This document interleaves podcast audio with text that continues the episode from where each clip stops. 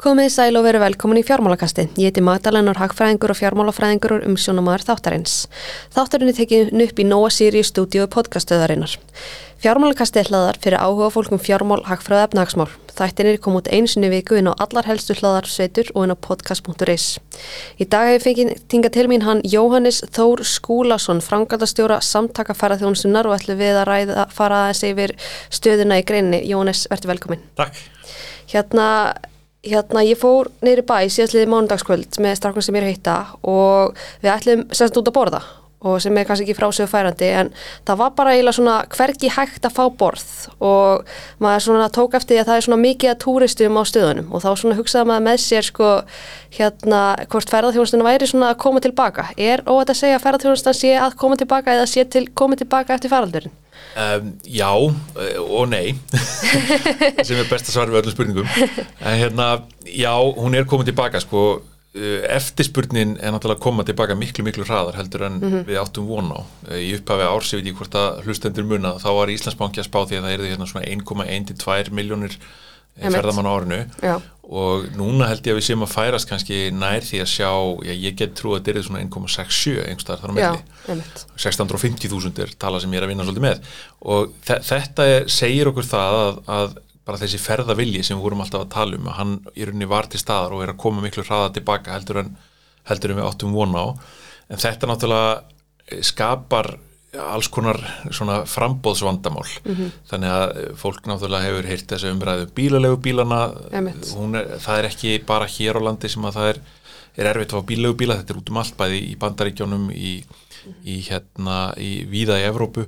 E, verð það þýðir að, að náttúrulega samband frambóðs eftir spurningu þýðir þá verðið verður herra mér hefur heist svona bæði í bandarækjum og Evrópu sé almennt að allir verða á bíla og bílum séum það bíl þrefalt herra en það var 2019 e, við sjáum þetta líka í, í gistingunni hérna víða um landa þar er orðið upphandað mm -hmm. e, og, og erfitt að selja þessar ég vil alveg bara frá því í, í april hefur verið erfitt að að selja e, mikið af þessum klassísku rúndræsum, þessum ringferðum þar sem mm. að það orðið er, var orðið erfitt ást tegar að fá gistingu á ákveðnum stöðum á landinu, sérstaklega kannski á, á austur og norðausturlandi.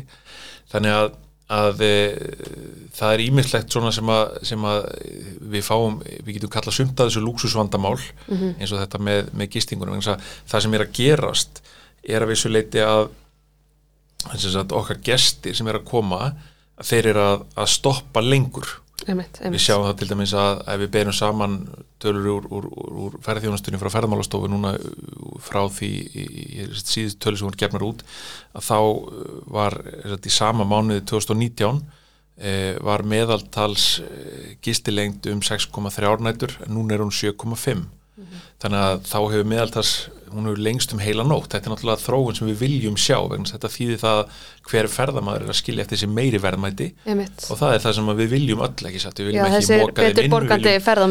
Já, þessi sko betur borgandi ferðamæðurinn á Íslandi er þessi sem að kemur og er kannski í tíu daga í staðin fyrir sex mm -hmm. eða er stoppar í, í 14 nættur í staðin fyrir tíu stoppar lengur, fer lengra út á land fer í, í meiri afþreyingu, kaupir sér aðeins dýrara hótelherbergi mm -hmm. það er Eh, svona tendens að hugsa frekar um hana betur borgandi feðamann eh, svona þegar, þegar fólk nefnir hana þá sér fólk fyrir sér hana luxusferðamann sem kemur á engaþóttunni og, mm -hmm. og stoppar á deplum og, og alls konar svona eins og Zuckerberg hérna á sínum tíma það er einn tegund af hennum betur borgandi feðamanni mm -hmm. en þetta sem við viljum sjá er meira af uh, þeim mörguðum sem að koma hér inn eins og Bandaríkin, Þískaland og fleiri sem hafa verið að koma og er að lengja sínar ferðir og er að skilja meira eftir sig fara í meiri aftreyingu mm. og, og svo framins það þýðir það að meiri verðmætti verða eftir á landinu en það Já. þýðir þá líka að það eru færri sem að mm. geta kannski fengið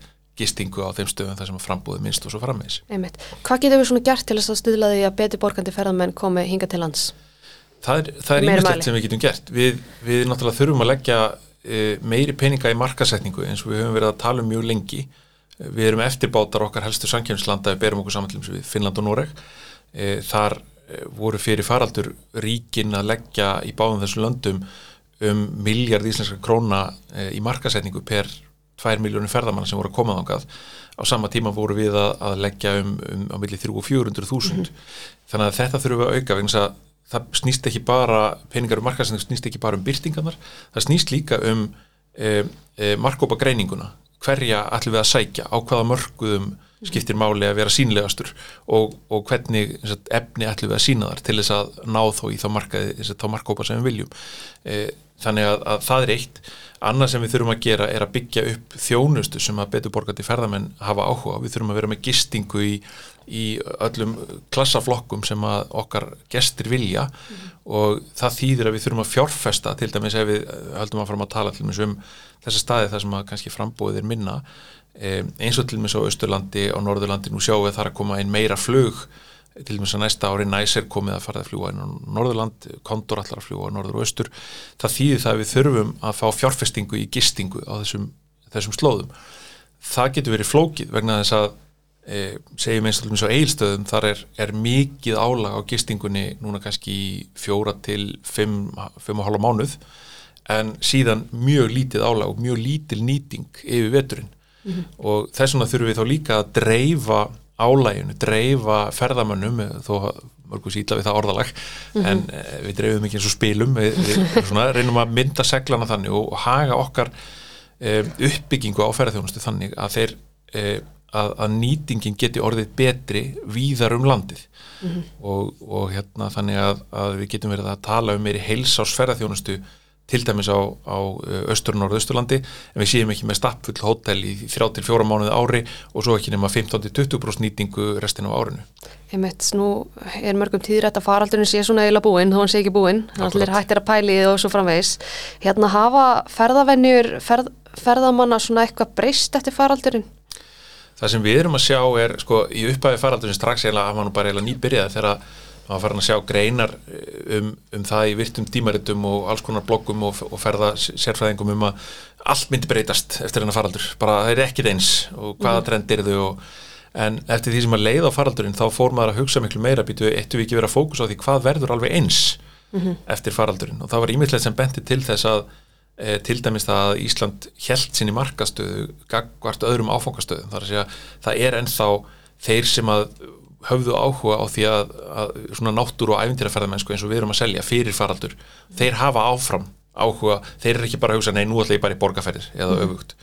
Þannig að, að það er lífins eitt sem við sáum að við erum ennþá að, áfangastæður í Íslandi heldur gildi sínu mjög vel e, gagvart e, okkar heldumörkuðum sem er mjög mikilvægt síðan erum við að sjá það núna að kannski það sem hefur breyst er það að e, fólk er að lengja sínar ferðir.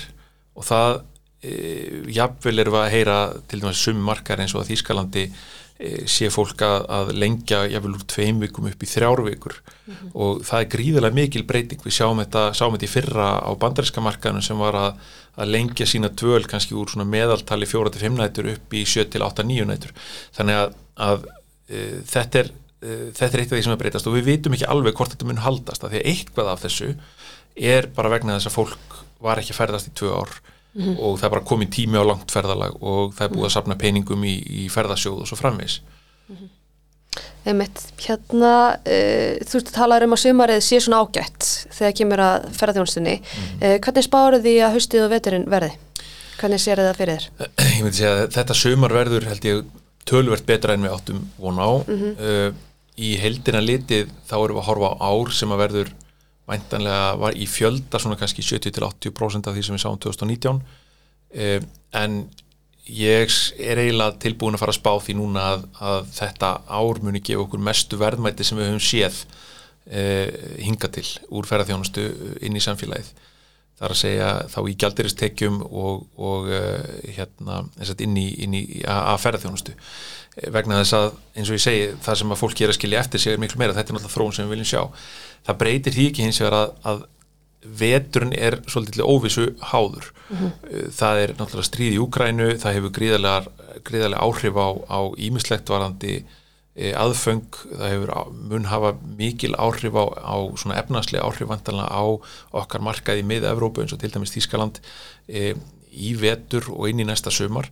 Þannig að það er tölverð óvisa þar. Við vitum ekki ennþá hvernig Asjumarkaður mun haga sér, mm við vonumst til þess að Asjumarkaður komi eitthvað tilbaka í, í februar og byrji þá eftir svona um áramótu upp úr því e, að koma tilbaka en það er algjörlega óvíst Um, og geti verið að hann komi bara ekkert tilbaka fyrir næst hausti ár á, eftir, eftir heilt árúmt mm -hmm. þannig að, að það er ímislegt svona sem við vitum ekki þannig að það skiptir gríðarlega miklu máli hvað mun gerast á mörgunum okkar í Bandaríkjónu, Þískalandi og Breitlandi sem voru stæstu þrýmarkaðir inn í veturinn ef að það gengur vel, sérstaklega breskimarkaðurinn heldur áfram að taka við sér og verður svona mikilvægur í næsta vetur eins og hann hefur eins og hann var fyrir faraldur þá mun það hjálpa gríðarlega mikið til en þetta verður það verður erfitt fyrir mörgferðarþjónustu fyrirtæki að lifa þennan vetur aftur vegna þess að mm -hmm. þó að það sé að komin miklu tekjur í sumar mm -hmm. að þá eru líka gríðarlegar kostnæðarhækkanir á móti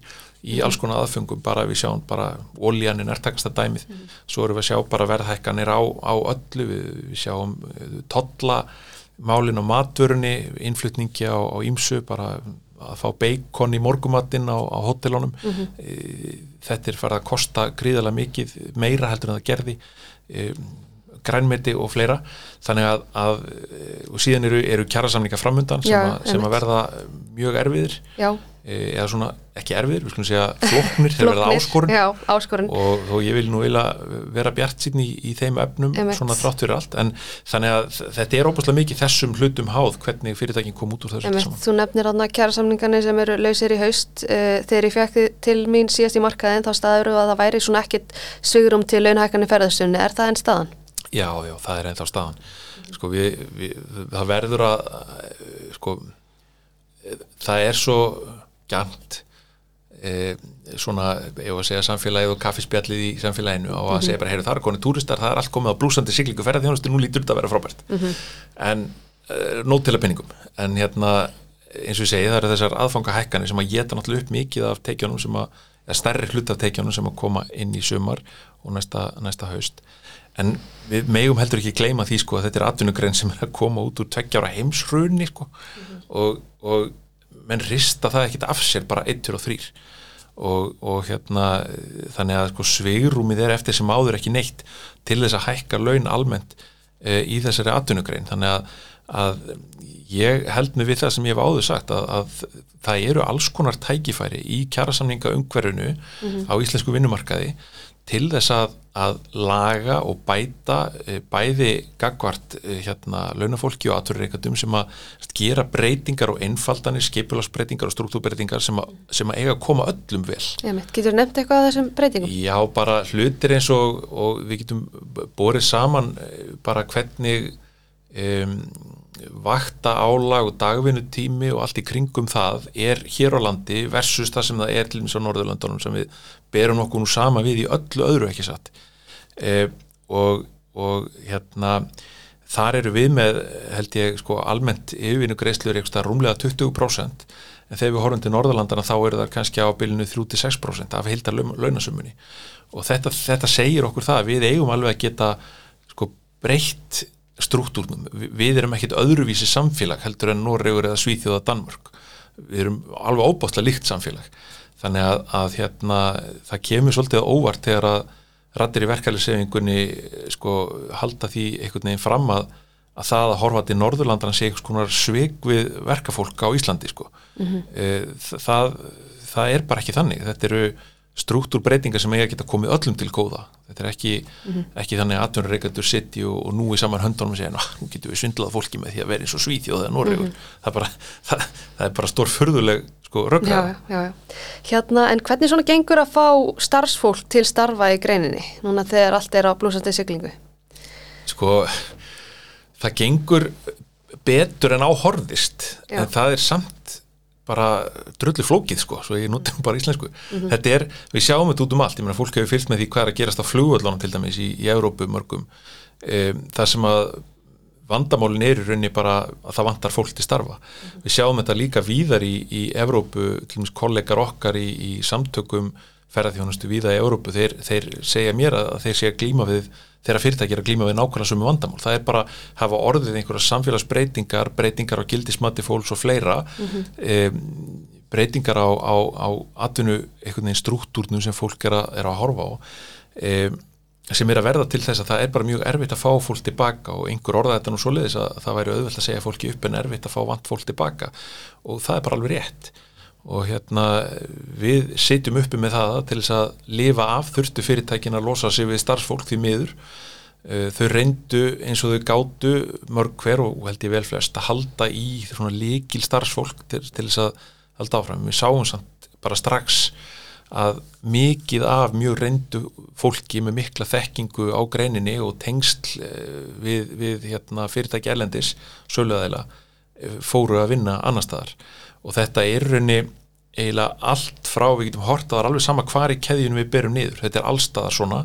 Og við sjáum það meiri sér líka á því að uh, fyrir faraldunum voru kannski stæstu hópaðin af erlendu starfsfólki sem voru að koma hérna frá Pólandi, Ungverjalandi, Sloveni og svona austur-Európaríkjónum en núna eru hins vegar hefur, hefur tung, helsta tungumálið á hjá staffinu á, á gististöðunum til dæmis viða um land breyst úr, úr pólsku yfir í spænsku. Þannig að núna erum við að sjá Portugali, Spánverja og Grekki að koma til, til landsins. Og það er það fólk sem að mikið til hefur ekki unnið í ferðarþjónast á Íslandi áður því fylgir mikið þjálfunarkostnaður e, mikið sem þarf að læra og, og, og því miður bara meiri hætta á einsum svona gloppum þar sem fólk þekkir ekki réttindi sín og, og hérna og það verða að koma upp alls konar vandamál. Þannig að, að það er svona ímislegt sem að þarf að huga að í þessu Er eitthvað sem að stjórnvöld getur gert til þess að bæta svona ekstra umhverju ferðarþjónustu fyrirtæki?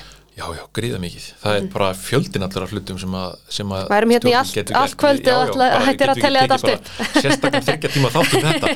Hérna, sko, skattlagningar umhverfið á og, og bara kostnaðar umhverfið á fyrirtæki á Íslandi er bara gríðarlega hátt og við sjáum það bara í öllum alþjóðlegum samanbörði. Það er e, gríðarlega mikilvægt að stjórnvöld gangi í það sem talað hefur verið um í pólitíkinni árum saman að bæta rekstrarumhverju fyrirtækja til dæmis með því að, að lækka ímsan kostnadvarandi eftirlit einfaldaða, gera e, skattlagninguna minni sértækja skattlagningu sérstaklega.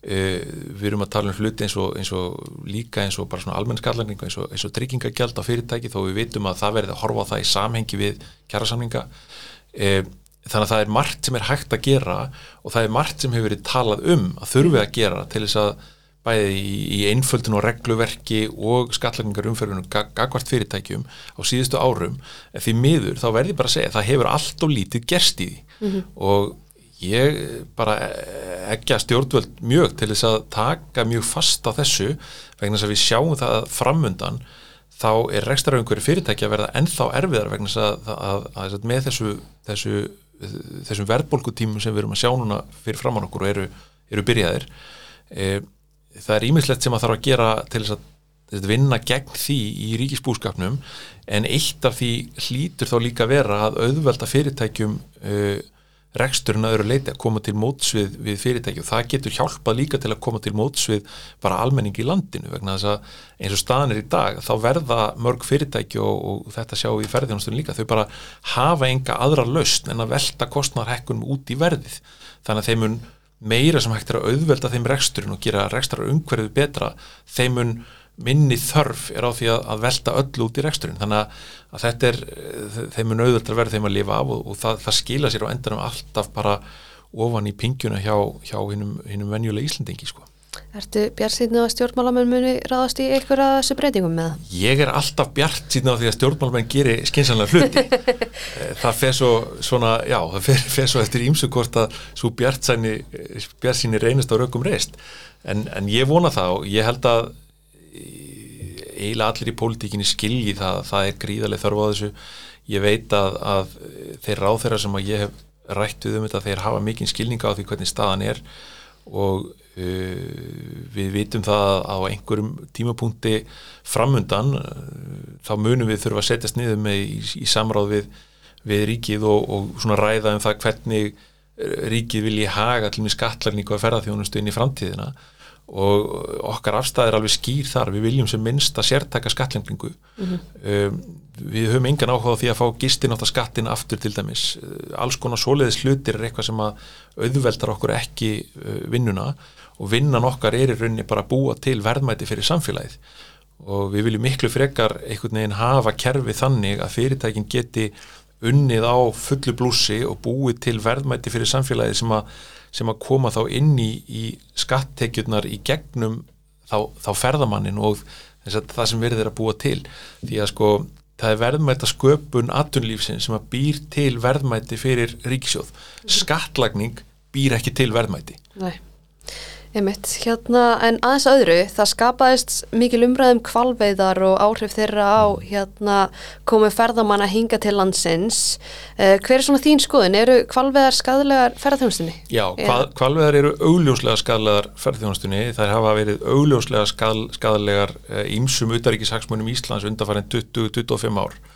Um þetta bara eh, á ekki að vera neitt debatt, sko. Mm. Eh, og hérna, mér finnst það eiginlega alveg ótrúlega bara bjánalegt þegar ég heyri fólk segja já en það er að koma fullt af ferðamönnum þetta hlýtur að vera allt í lagi. Bara, það er ekki það sem máli snýstum ef við setjum þetta bara þjóðhagslega í bara mjög einfaldar tölur þá er, er hérna gjaldiristekjur af sem er einn mæli hvarði á það hvort að, hvort að hérna atvinnugrein skili í rauninni einhverjum þjóðhagslegum ávinningi fyrir ríkið og samfélagið. Að hafa gjaldiristekjur af kvalveðum, langreða veðum sem sagt stórkvæla veiðum um, kvalsáf undanfarin ár þegar þau hafa verið verið svona á milli 1 til 2 miljardar ári mm -hmm. og ef við gefum okkur nú bara það að, að á þessu ári verði þá tekjur á þessum veiðum 2 miljardar króna e, það þarf ekki annað en að 7600 ferðamenn ákveða að fara til Noregs frekar enn til Íslands af því að Íslandingar veiða kval Heldur það að það sé margir að setja sig upp á móti ég bara meina, því við veiðum kvali? Eh, fólk þarf ekki annað en að horfa bara á bara massan af hérna massan af tölvupóstum, símringingum skilabóðum sem hefur komið til bæði íslenska ferðarþjónustu fyrirtækja og annara fyrirtækja til stjórnvalda eh, undarfærin ár til að sjá það bara og, og, og horfa bara á umræðuna í, í, hérna alþjóðarsamfélaginu undarfærin, undarfærin ár til þess að vita það þetta er bara heilmikið mál fyrir alveg heilmikið fjölda fólki mm. þannig að ég er eiginlega alveg klára á því sko, þú veist, 7600 manns eru svona einn og halvu dagur í júni mm -hmm. og þú veist, þetta er ekkit mikið, þetta er ekkit mjög marga flugvelar sko nei. ef að þessi fjöldi fólk segir bara nei, ok, heyrðu þetta, ég er nú hjánað með þetta ég ætla að fara bara til Norræs mm. eða Finnlands eða Skotlands eða eitthvað þá bara nettast út þessi ávinningur þessi 2 miljardar mm -hmm. gróði fyrir ríkið, hann er bara farin og til hvers erum við þá að þessu? Bara fyrir vondáðsporið eða? Já, jætna, ég, kannski í næsta spurning, hefur þið smakað kaldkjött? Já, já, mér finnst það ógæslega gott. Það er ótrúlega gott, sérstaklega vel eldað. Mér finnst það ógæslega gott. En það er bara ekki það sem þetta snýst um, Nei, sko. nei, nei, nei hérna, Þetta er til mig fólk fólk segir, já, kvalkjötu er svo gott og það er margir sem að smaka kval, já, en ég menna við séum að meirildin á öllu hrefnukjöti sem er verið að selja á veitingástöðum á Íslandi er einflutt frá Noregi. Þú veist, það, þetta snýst ekkit um sko það hvort okkur finnst þetta gott eða vond eða hvort að ferðamenn einhverju vilja smakka þetta. Auðvitað er alltaf einhverju sem hafa vilja smakka þetta og hitt og ég vil lunda og alls konar. Mm -hmm. en, en þetta issue snýst raunni um það að í grunninn er þetta svona. Við erum með áfangastað sem við erum að auglýsa sem sjálfbæran náttúru áfangastað þar sem fólk getur komið og upplifað íslenska ósnortna náttúru á sjálfbæran móta og að veiða kvali það bara passar ekkit við þessa ímynd. Mm. það bara passar ekki við það sem við erum að selja í ferðarþjónustu, það er algerlega öfugt við það sem við erum að selja í ferðarþjónustu og það er það sem er vandamálið. Einmitt, hérna, en ég enda oft þáttinn á svona letinótonum þannig kannski ég spyrja því svona hvað finnst þið svona skemmtilegast við starfið? Mér finnst lang skemmtilegast við starfið mitt þegar ég kemst út af skrifstofunni og get farið um landið og hitt fólki sem er í bransan mm -hmm. það er það er bara, það er bæði ótrúlega skemmtilegt mm -hmm. og bara svo mikilvægt fyrir þetta starf sem ég er í að, að setja ekki bara einhverjum, einhverjum turnin í borgatúni og, og ég að gera, þú veist, að vegna að það sem gerist er það, ég fer kannski að sest inn hjá einhverjum sem er að selja aftreyingu í lit pínlutli fyrirtæki, kannski þryggjamanna fyrirtæki einhverstaðar hérna á norður eða söðurlandi, östurlandi eða vesturlandi og, og þar fæ ég að heyra býtu hvað er raun og veru gangi mm -hmm. hvaða vandamál er hérna, þetta fyrirtæki í raun og vera að glíma við? Bæði gagvart sveitastjórnastíðinu, gagvart ríkinu hvað myndi hjálpa til og svo framvegs og þetta tek ég síðan með mér og þegar að ég fer síðan á fundi í, í, í stjórnkerfinni sem er áþörum eða embætsmönnum eða einhvern slíkum eða ég vil sveitafélaginu á, á, á sama stað þá, þá og fer að ræða þessi mál sem að tengist einhverju svona þá get ég sagt þess að sögur, ég var nú bara að tala við hérna, hérna Anna Óla í, í fyrirtækinu hérna fyrir vestan og hann segir mér að veist, þetta er svona, þetta er vandamálið, þetta er ástæðan fyrir því að við erum hérna að, að tala um þetta mm -hmm. og þetta er eitthvað sem að það er svo gott við íslenska stjórnkerfið að þetta er allt svo stutt mm -hmm. og við erum alls svo nálæg og fólk þekkir og skilur að þegar að maður kemur og segir frá einhverju svona þá er ekki verið að búa eitthvað til og þetta hjálpar oft til þess að að fólk sem er að vinna í stjórnkynna allar daga og setja lögin og reglurnar að það áttar sig á því, já, býti svona virkar þetta fyrir bara hinn venjulega fyrirtækja eiganda og reganda á, á, á hérna í feltinu. Og já, þá kannski er skynsalnægt að skoða hvort við eigum eitthvað að laga það til. Og þetta eru oft hlutinir sem að skipta hvað mestu máli þegar við erum að, að fara og vinna með stjórnvöldum í því hvernig þetta gera þetta umhverfi e, greinarinnar betra Einmitt, og hvað finnst þið svo leiðilegast í starfið? Mæti þið svona viðtöliða? Nei, það er þetta skemmtilegt, sko, þetta format líka er mjög skemmtilegt, sko, að geta svona aðeins Svona aðeins á léttur að nota Já, svona vaðið eitthvað um, sko, en ég, það er eiginlega ekkert leiðilegt við þetta, er, ég veit ekki, samþykja reikninga, það er ekkert skemmtilegt uh, En hvað svona gerur auðvitað vinnu? Úf, alls konar, ég er hérna eh, nýkomið frá Ítali, var þar í, í, í þrjárveikur og ætla svo að ferðast innanlands eitthvað, mér finnst það óbúslega gaman að ferðast um landið, ég gerir það á hverju, hverju ári. Mm -hmm. búin að fara að eila ringin kring landið alveg bara já, ótrúlega mörg ár aftur í tíman mm -hmm. um, og þannig að ég, ég, ég hef mjög gaman að því. Ég les mikið af, af hérna, vísindarskáldsögum svona e, sem er eitthvað allt annað bestu vísindarskáldsögurnar sko fjalla í raun ekki um, um vísindi heldur um fólk. Mm -hmm. eru svona teik á samfélagið út frá öðru sjónarhóðni og hérna ég já, mér finnst bara svo finnst mér ótrúlega eiginlega langt best í lífinu bara að geta eitt tímar með fjölskyldinu eða eitthvað móta Einmitt. Hérna, þú finnst þú nefnir vísundaskáldsögur eða þetta er að mm. mæla meiti bók hver er hlustendur fjármálkassins, hvaða bók væri það? Hú um, ég held ég mæli með uh, The Moon is a Harsh Mistress eftir Robert Heinlein Það er svakalega titill. Já, hún er, hún er sérstaklega fyrir hlustendur fjármálakassins því, því að hún er óbúslega sósélísk og skemmtileg. Það er alveg brilljant og, og svona ímislegt sem að margir aðrir höfundar síðar vísuðu svo skemmtilega til. Einmitt, þú ert nú hérna frangatastjóri samtaka ferðarþjónustunnar þannig kannski líka beinast við að spyrja það finnst þér gaman að ferða sjálfum? Já, mér finnst það mjög gaman mm -hmm. og hérna það er alltaf líka rosa gott að koma heim Já, hérna maður það ekki þá Já, já, en, en þetta, ég hlaka mikið til að komast núna út um landið í, í svona setniluta ágúst einhvern tíman mm -hmm. Hérna, hvað er svona skemmtilegast land sem þú komið til? Er það bara Íslands? Er íslenska ferðarþjónustan svona frábær? Hún er náttúrulega frábær sko. en, en hérna mér fannst reyndar ég fór í fyrsta sinni í, í fyrra á, á fór vestfjörðarhingin var ég átta daga á vestfjörðum bara, og gisti bara á hótelum og fyrsta sinn sem ég, sem ég ger þetta svoleiðis bara fóruð bara tvö ég og konu mín mm -hmm. og hérna og uppliði bara svona íslenska ferðarþjónustu sem ferðamadur, það var ótrúlega gaman mm -hmm. og hérna og, og mjög svo gríðarlega tækifæri á þessu svæði þannig að mér langar svolítið að fara aftur á vestfjörðina og, og hérna upplifa það, ég hef upplifað önnursvæði landsins oftar en svo svona ef við færum okkur til útlanda þá, þá, þá er ég mjög hrifin af ég er mjög hrifin af miðarhassvæðinu núna Ítalíu og mm. Greikland það er svona eitthvað sem að, sem að ég hef, hef mjög gaman á að langa til þess að, fara svolítið fara svolítið mér á. Einmitt, það er nú svona komað lókun hjá okkur núna, hérna er eitthvað lókun sem það vil koma framfæra, eitthvað skilabóð frá ferðarþjónstunni? Bara takk fyrir okkur sko, við hérna um, við erum búin að eiga bátt undanferðin tvö ár Já. og það hefur verið alveg ótrúlegt Það hefur komið, komist í gegnum þetta Já, við komist í gegnum þetta en, en, og, og það sem ég ætla að segja sko, það, bara, takk fyrir okkur að, að þjóðin og stjórnvöld og bara fólk eh, hefur staðið svo óbóðslega þjættu bakið á okkur mm -hmm. og það hefur verið, bara mér langar bara að segja að við höfum fundið alveg ótrúlega stert fyrir því. Og, það er bara, var rétt bara að þakka fyrir það því að bara allt allt frá því öllum þessu miljörðum sem að, sem að ríkið hérna þurfti að, að auðsa í, í greinina sem að við reyndar munum vera í lók þess ás búin að borga tilbaka sko, mm -hmm. ágætt að hafa það líka á hreinu.